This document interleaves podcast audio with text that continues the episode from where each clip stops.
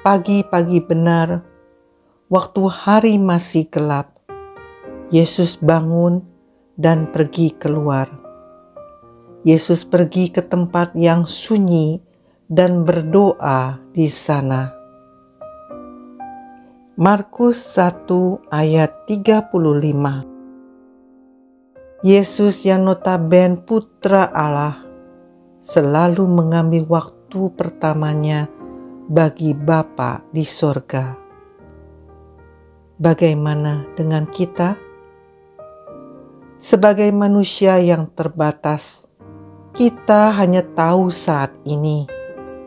Kita nggak pernah tahu untuk beberapa menit ke depannya. Oleh sebab itu, untuk yang tidak kita ketahui, kita butuh Tuhan untuk menyertai dan memelihara kehidupan ini. Doa menjadi satu-satunya jalan bagi kita untuk mensyukuri hari yang diberi.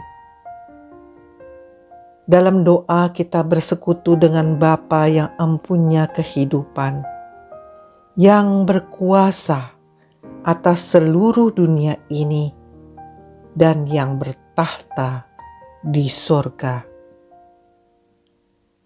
Dalam doa kita bersyukur meminta, berserah, memuji, dan menyembah atas kedaulatannya dalam hidup kita.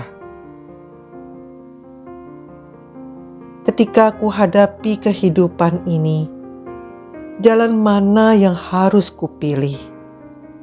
Ku tahu ku tak mampu. Ku tahu ku tak sanggup. Hanya Kau Tuhan tempat jawabanku.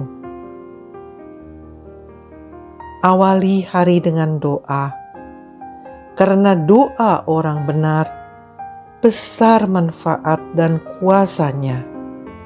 Amin.